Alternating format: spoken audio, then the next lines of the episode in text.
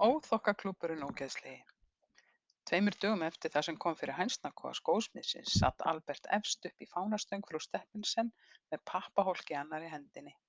Hann starði í gegnum hólkinn yfir kofaþökin í Kallabæ og út á akrana og þegar hann kom auga á hestvagn í fjarska öskraði hann af öllum lífs og sálar kröftum: Óhóhó, hásetar, skip fyrir stafni, allir fyrir borð.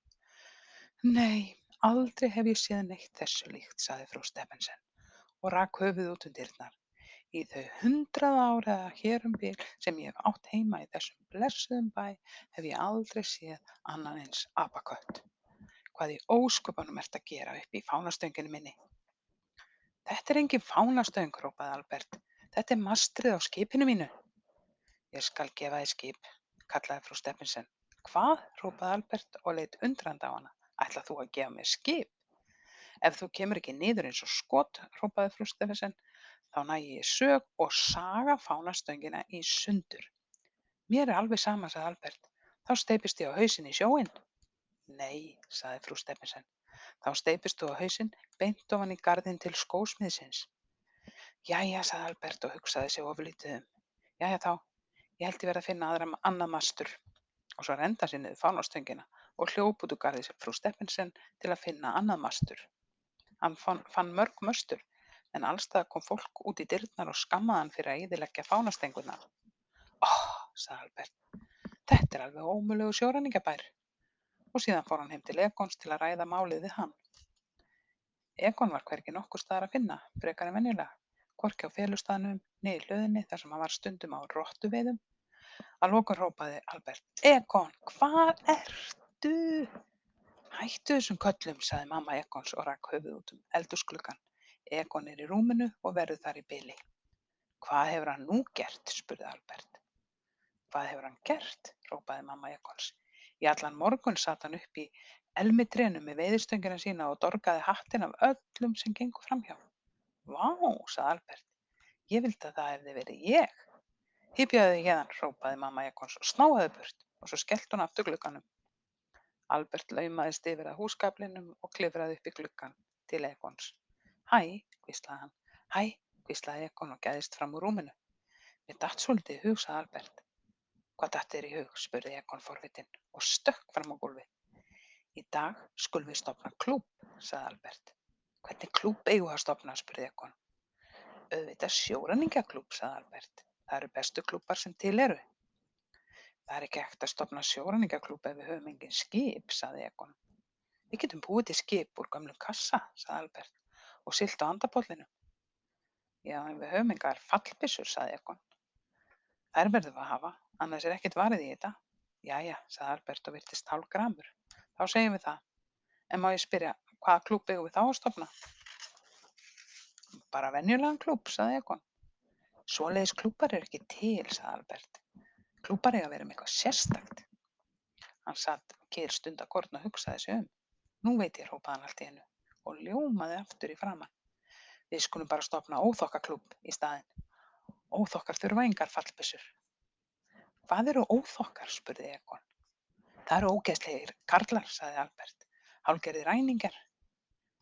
Hvað gera þeir? spurði Egon. Bara allt mögulegt, sagði Albert. Þeir reykja vindla og drekka brennivín og svoleiðis. Reykja þeir vindla og drekka brennivín? spurði Egon skelkaður. Einmitt, sagði Albert. Þeir reykja mikið af stórum svörtum vindlum sem þeir ræna frá mönnum sem þeir ráðast á. Ég vil ekki vera með í þessu, sagði Egon. Einu sinni fann ég einn af vindlunum hans pappa og þegar ég var búinn að reykja dálítið var ég svo veikur að ég ældi fjórum sinnum. Hvað gerður við stubbin sem var eftir að vindlinum? spurði Albert. Ég gaf grísnum hann, sagði Egon. Jæja, sagði Albert. En við getum þá látið okkur nægja að drekka svolítið af brennivíni. Új bara, sagði Egon, það er ennþá verra.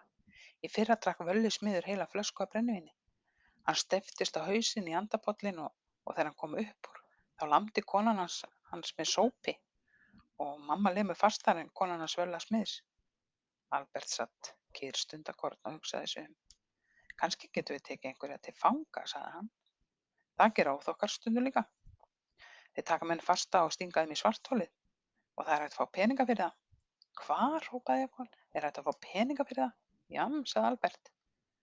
Þeir sem við tökum þurfa að borga pening til að sleppa út aftur.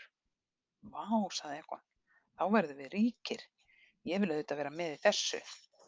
Við tökum, tökum heilan hóp og stingum þeim ofan í kartöflugeymsluna ykkar. Þar getur enginn heyrt í þeim þegar þeir hrópa hjálp. En hvar getum við náð í fanga? spurði Egon. Mér finnst ég aldrei hafa séð neina hér í bænum. Við tökum bara einhverjar stelpur, sagði Albert. Það má vel nota þær. Eigum við að kyssa þær? spurði Egon og varð aftur skelfdur á svipinn. Bla bla, hrópaði Albert. Ertu eitthvað skrítinn, drengur? Almennilegir óþokkar eru kvennhatarar. Já, það var nú gott, sagði Egon með fegin svip. En hver á snerta þær þegar við stingum þeim ofan í geymsluna? Við ítum þeim bara með sverðunum okkar, sagði Albert. Við þurfum ekki að snerta þær. Egon virtist vera hæst ánæður. Hverja eigum við að taka fyrst? spurði hann. Bara einhverja þeirra, sagði Albert. En ekki Maríu, hún klórar. Óþokkarnir ógeðslegu tóku trésverðin sín og klifruðu niður úr trénu. Hvar eigum við að handtaka þær? spurði Egon þegar þeir voru komnir út á veginn. Við skulum bara ganga um þangað til við finnum einhverjar, sagði Albert. Þá grípum við þær. Þeir gengu inn í bæinn. Á leiðinni mættu þeir kaupmanninum sem sat á tröppunum sínum og drakk bjór. Halló, sagði hann. Svo þarna eru þið þrjótarnir, komnir á kreik til að rekja okkur. Nei, sagði Albert, við erum óþokkarnir, ógeðslegu. Við erum að fara að handtaka einhvern. Kaupmaðurinn hló. Svo það sást að það vantaði hann alla tennurnar. Er þá ekki best að þið byrjið að handtaka mig? Eh, hve mikið fá við fyrir? Hvað ertu að segja, sagði kaupmaðurinn. Viljið þið líka fá eitthvað fyrir að handtaka mig? Já, sagði Egon. Þess vegna erum við að handtaka fólk. Ég skil hvorki upp niður niður í þessu, sagði kaupmaðurinn. En það skiptir líka engu máli. Þarna kemur skósmiðurinn, þið getið spurt hann hvað hann vilji borga ykkur fyrir að láta handtaka sig. Hvar, rópuðu óþakkarnir ógeðslegu hinum rómi. Sagður skósmiðurinn? Þá verðum við að flýta okkur áfram. Og svo þutu þeir niður veginn og skriðu inn í runna þar sem enginn gat séð til þeirra. Það er enginn friður fyrir þessum skósmið, sagði Albert. Það er ekki einu svona hægt að fá frið fyrir honum til að handtaka fáina stelpur. Nei, sagði Egon, hann er allstaðar. Við skulum njósna hérna í runnanum í staðinn, sagði Albert. Og svo grípum við stelpurnar þegar þær fara framhjá. Hér getur hann ekki séð okkur.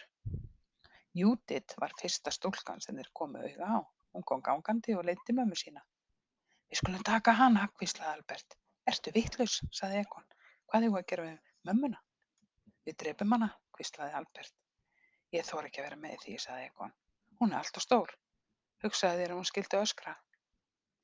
Það myndi örglega heyrast um allan bæinn. Þá flýjum við bara, sagði Albert.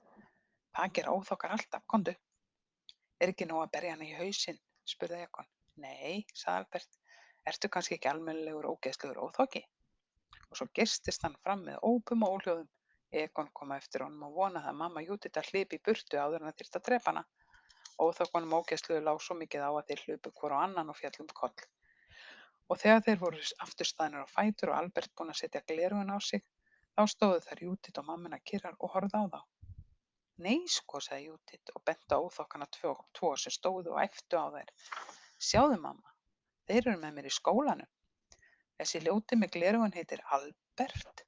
Uss, sagði mamminar. Þú mátt ekki tala svona um annað fólk. Litli drengurinn getur ekkert gert að þessu sjálfur. Nú drepum við ykkur, æfti Albert og geistist á mótið þeim. Heyrðu, rópaði Egon, þú saður vætlum bara að drepa mömmuna. Nei sko, sagði Júdit og klappaði sem á lóanum. Eru þeir ekki skemmtilegir, mamma? Þeir virðast bráð skemmtilegir, sagði mamminar og fytjaði upp á nefið. En mér finnst þeir frekar skítugir. Eru þeir líka svona skítugir í skólanum? Ó, já, sagði Júdit. Ó mamma, má ég ekki vera eftir og leika mér við þá? Nei, sagði mammina, þeir eru áreiðanlega með flær.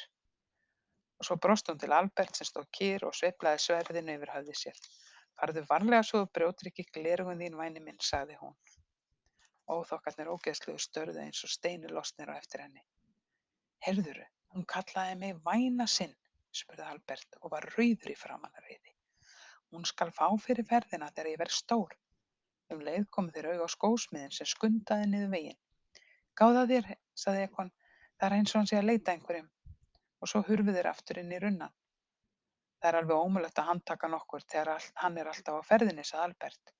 Ef við bara getum fundið betri aðferð. Kannski getum við búið til einhvers konar gildru, sagði Egon. Vá, hrópaði Albert, nú veit ég, við skulum auðvitað búa til stelpugildru.